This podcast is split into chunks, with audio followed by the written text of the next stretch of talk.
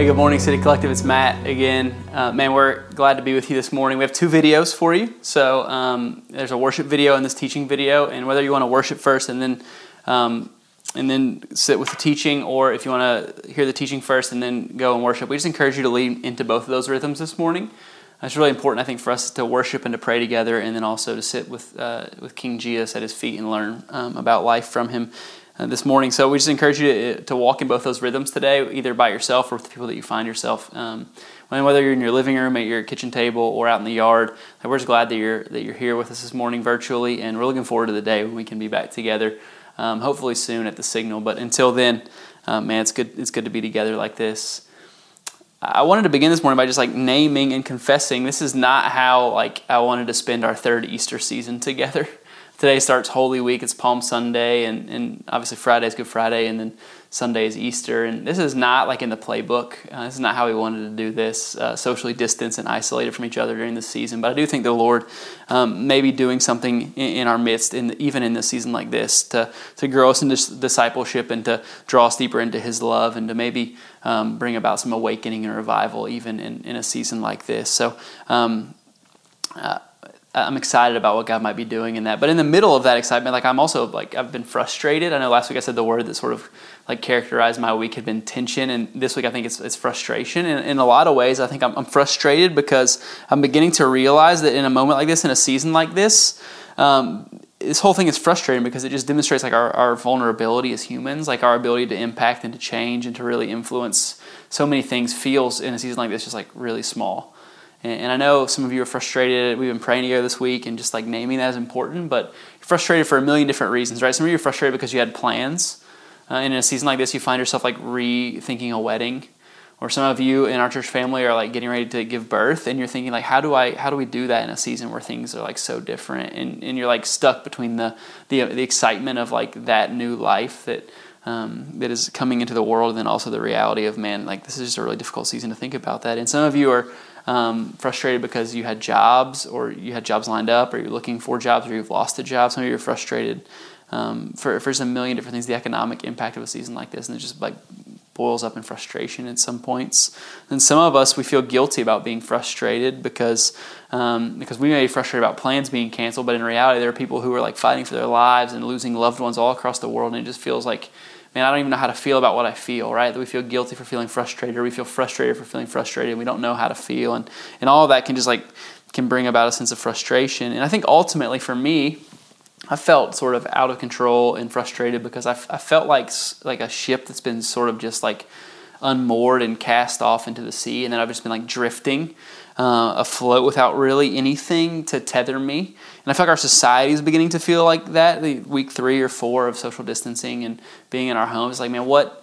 Like it just feels like everything around us is shaking, everything around us is moving, and, and it's hard to feel connected to something um, that's stable and unmoving and unwavering in a season like this as we just drift sort of through space and time, and days feel really long, at the same time they feel really short. And um, yeah, I, I, think it's just a difficult season in, in so many ways uh, in, in, that regard. But I was thinking this week, our, our youngest son Maddox, um, he's one. He he had tubes put in his ears this week. It's a relatively like uh, quick and easy medical procedure, but he had he had had ear infections since like Christmas, and the doctor's like, "Hey, this is what we need to do." And so um, Kristen took him on Wednesday, and everything went great. He's doing fine. But um, as we were talking about that after the procedure, Kristen said, "Hey, I was talking to Laura. Laura is part of our church family. She's a speech uh, and language pathologist."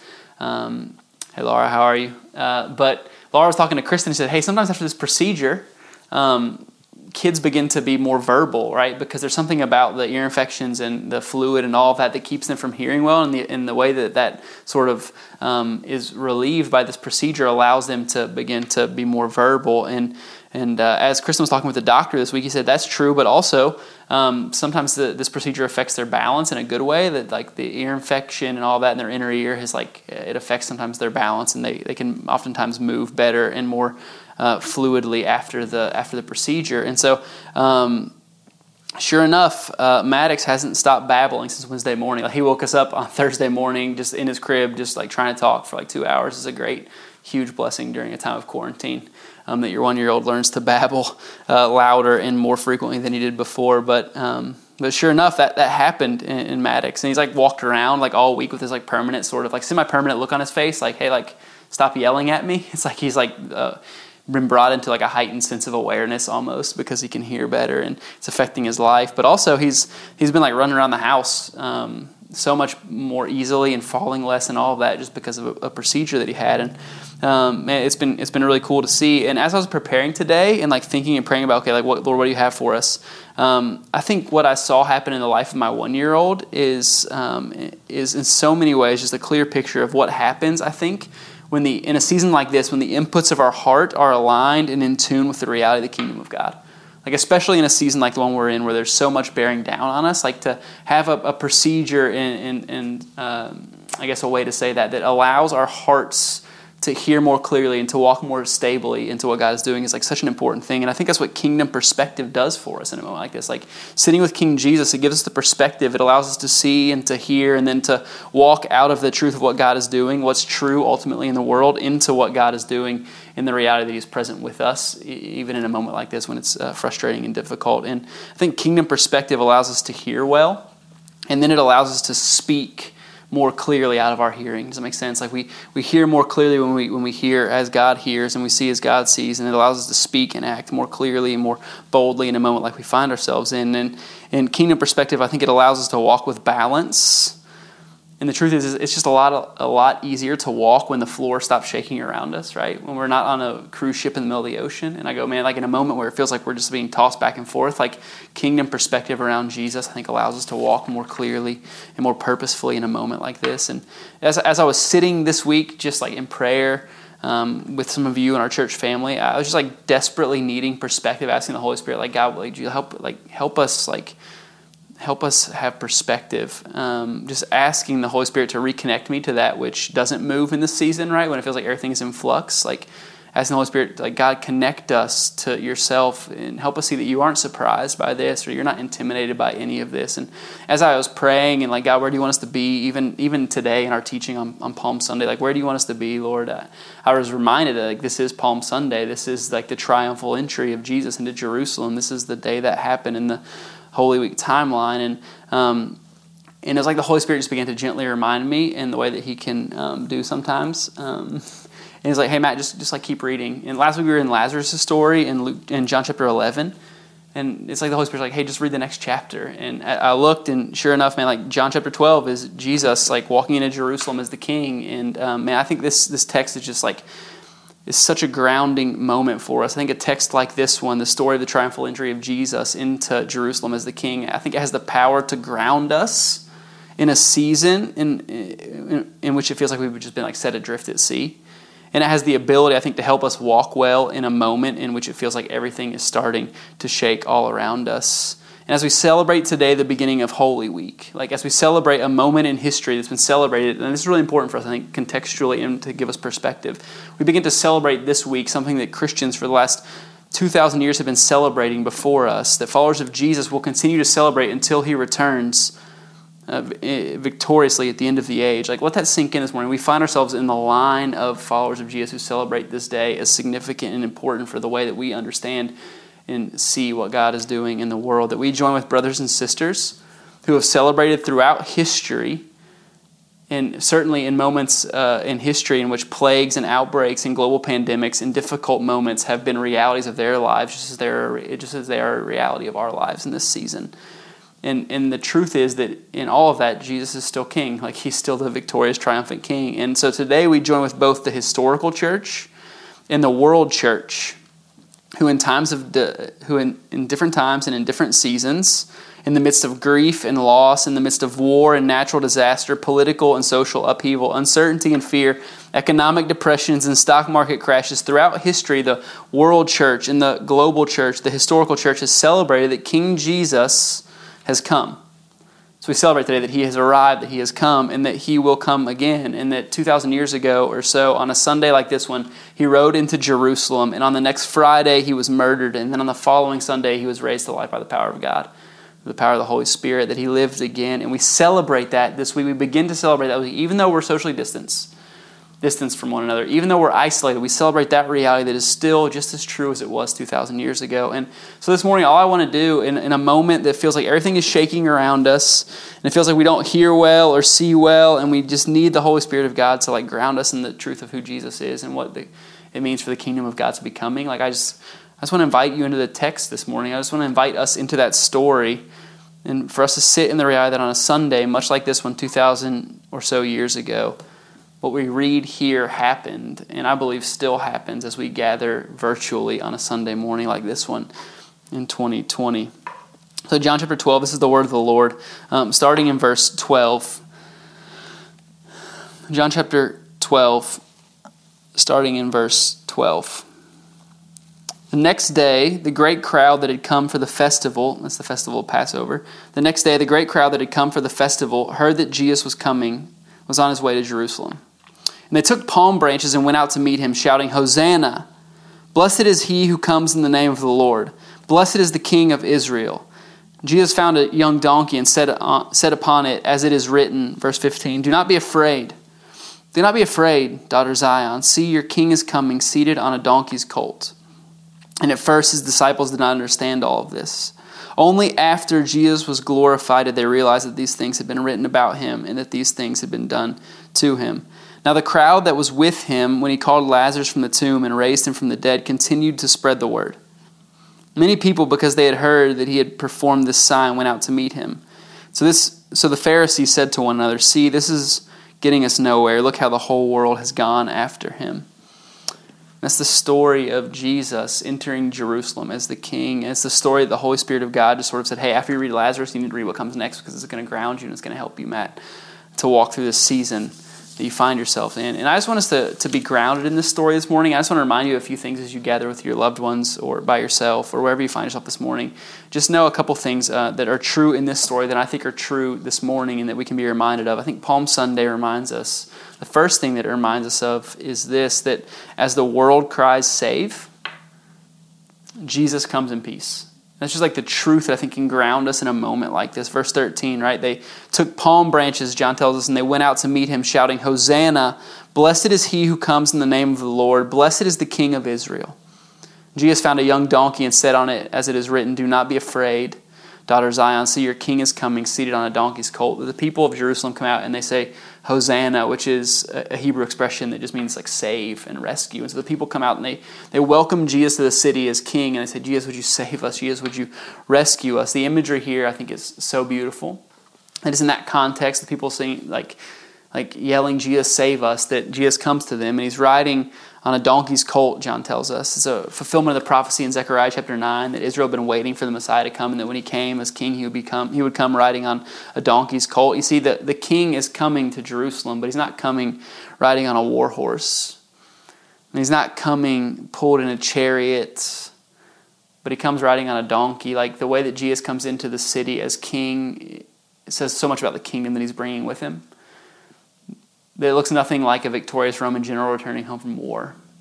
There's no economic um, like show of force as the as the conquered nations are paraded before the king. Like and all the spoils of war brought in. There's there's no comparison to even how maybe Pilate, the Roman official who would um, be so involved in the story of Jesus as it plays out over the next couple of days and week would have entered the city, like nothing to, to do with it. The, the way that Jesus comes, it shows so much about the kind of kingdom that he is bringing. You see, Jesus is riding a donkey, fulfilling the prophecy that the Messiah of Israel would bring a kingdom of peace.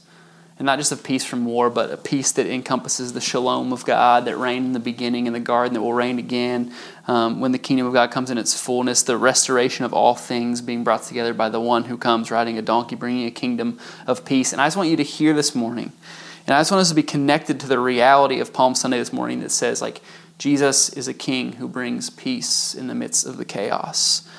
That there are crowds gathered welcoming the Messiah, shouting, Save us, rescue us. And they're asking for salvation, yes, from Rome and yes, from oppression. And But for more than that, they're asking for the shalom of God to be brought to bear fully on their life and their experience. That the reality of where God is would be brought into the present. That there would be no more tears. That there would be no more disease. That there would be no more death. That there would be no more grief. That's the kind of thing that they would have been asking for as they asked the Messiah to save and to rescue. And and like they get it wrong, right? And, uh, and less than a week later, they're going to the same crowd is going to be shouting for Jesus to be crucified, and we get it wrong, like as well. But the truth of the matter is that when the people shout rescue, Jesus shows up. And the truth of Palm Sunday is that while people shout save us, Jesus arrives. And I go this morning. I think you just have to know that He is still the King who responds to our cries that Jesus this morning is still the Messiah who brings about the shalom of God in the midst of the chaos and the storm. He still saves, He still rescues. And that's the first thing that I think Palm Sunday reminds us of that we can take from this story and that we can just like hold on to in, in this moment. The second thing I think I want us to see uh, from this story that just stood out to me as I read it this week and prayed about it and as we talked um, and prayed together this week. The, the, second thing is this that I think faithfully following Jesus does not mean complete understanding. So, verse 16, John tells us this. John, who is a disciple, writes about their experience. He says, At first, his disciples did not understand all of this. Only after Jesus was glorified did they realize that these things had been written about him and that these things had been done to him. And the reality of that Palm Sunday is this the reality of the triumphal entry of Jesus is, is this that we are reminded that our apprenticeship to King Jesus, that our discipleship, that our following King Jesus doesn't depend upon our understanding in the moment of what he might be doing.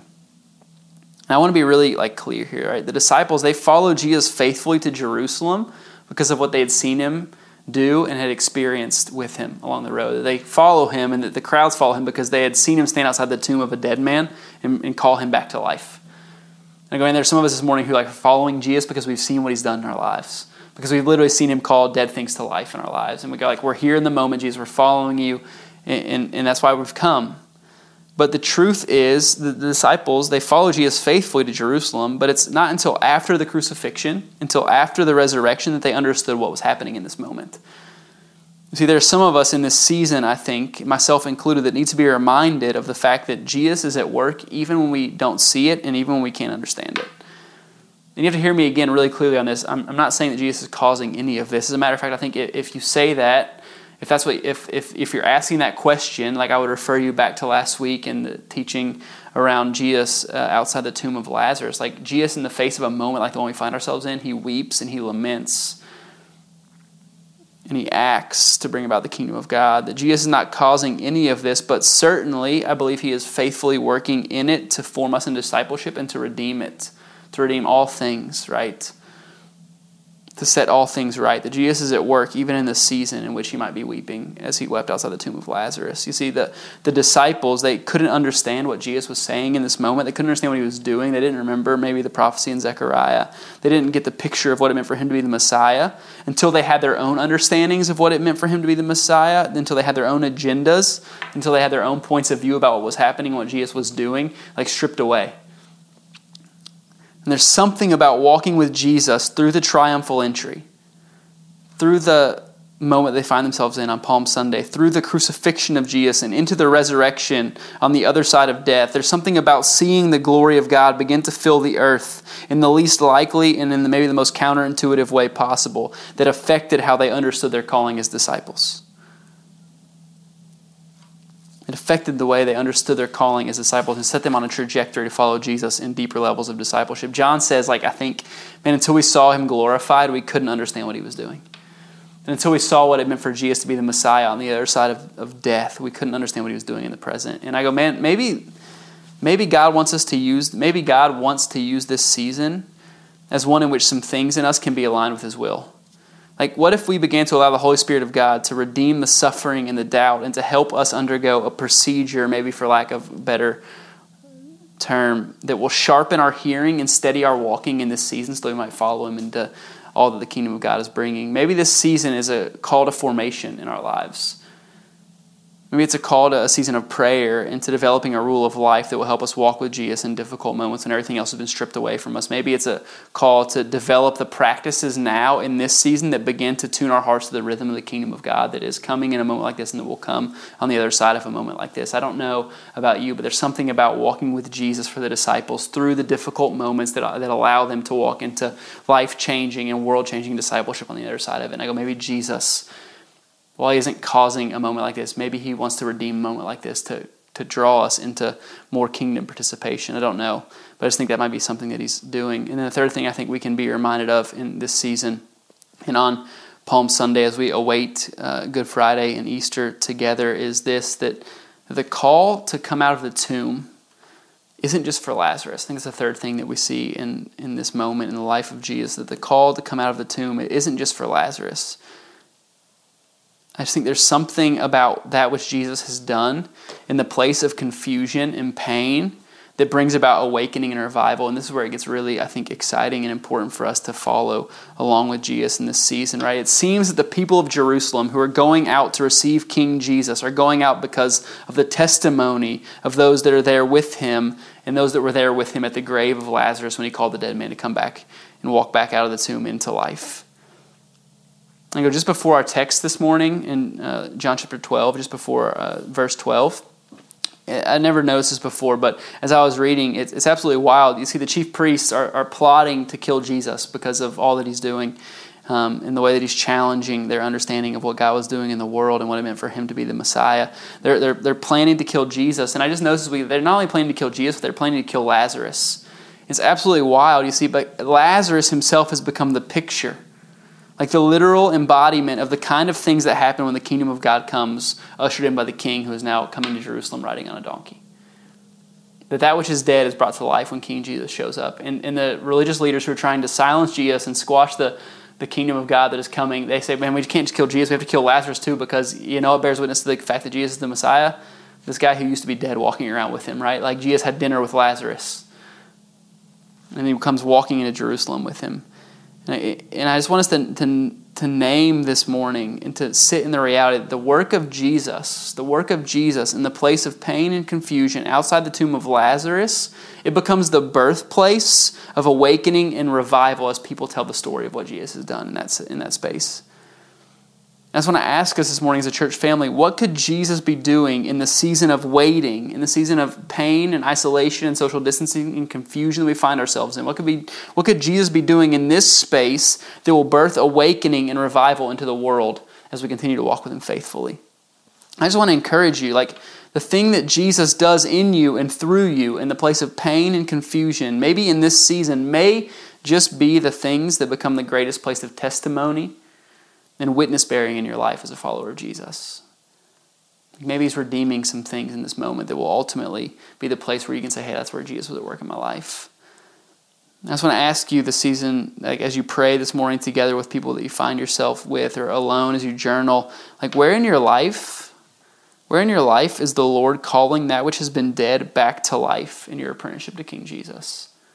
Like, what might Jesus be doing in this place of confusion and social isolation and social distancing and uncertainty?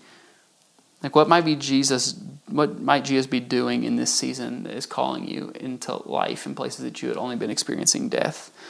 So I think those are like kind of like the three things that have stood out to me as we celebrate Palm Sunday this morning with the global church and the historic church. Um, but I just want to remind you and encourage you, like the truth of Palm Sunday the truth of that is that your king still comes to you, City Collective. Like that's what's true in the text that we read, and it's what's true about today as we gather in Chattanooga, Tennessee. That, that your king is coming to you, City Collective, that your king Jesus is coming to you, Chattanooga, and that your king comes to our nation and our world this morning, and that he's coming bringing a kingdom of peace and victory. That our king comes to us bringing salvation and that he is eager to hear, and that he is eager to work, and that he is eager to redeem. And as Thomas prayed this morning in our worship video, the truth is that King Jesus has beaten every disease, that he has beaten death itself, and that life is coming along with King Jesus as he brings the kingdom of God. Life beginning now, lasting forever. I just want you to be encouraged by that. Like it was true then, it's true today. Uh, I believe it's true over us in this season. Um, of pandemic and uncertainty and everything. I just want to encourage you with that this morning. Uh, let's pray together, and then um, just a couple more things, and we'll be done. But let's pray. Lord, we love you. Jesus, I pray that you would meet us in a space like this. Pray that as we gather with loved ones or um, in our living room or around the kitchen table or wherever we find ourselves, Jesus, outside, inside, whatever, that you would just meet us and that you would drive deep into our hearts um, a heightened awareness of your presence with us, that you still come to us, Jesus, that as the world shouts, save, um, that you meet us, that you hear, and that you come. And that Jesus, would you help us posture ourselves towards you in this season that you want to redeem and to do work in us that will allow us to watch your glory fill the earth? I pray that you would be at work in us even when we don't see it, even when we don't understand it, that you would help us to have faith that you are working, that you are alive and well, Jesus, and that you're bringing your kingdom. And Lord, I pray that you would give us experiences that allow us to go out from this place and bear witness to your goodness, Jesus what you're doing in the world, that, our, that your work in us will become the place of witness bearing where we can say, hey, this is what Jesus is doing in my life and in the world. We love you. We thank you. Pray that you would uh, meet us here in Jesus, that you would continue to do the work that you've been doing. We love you. In the name of Jesus, we pray. Amen. And it was, it was good to be with you this morning. Just a couple things. I just want to remind you um, if you want to connect with us during this season, like our website, social media, or email, um, is probably the best place to do that. And so we just encourage you to keep checking back in as we move toward Easter. There'll be some uh, really exciting announcements this week about I think things that we're going to be doing. So uh, we love you. Know that um, we can't wait to be back together. If you want to know more about our church or about what God is doing in this season, what it looks like to connect in community, we again point you to our website, social media. You can email us info at citycollectivechat.com with any question. If you want to um, sign up for online giving in this season or continue giving, I would encourage you to do that. You can do that at our website, citycollectivechat.com backslash give. Um, if you have any questions, if we can do anything for you, if you have a need, please just like don't doubt and don't hesitate to reach out for us. We'd love to talk with you and to pray with you um, and to be uh, with you in this as best we can. We love you. Go in peace. Be blessed. Have a wonderful week. Bye.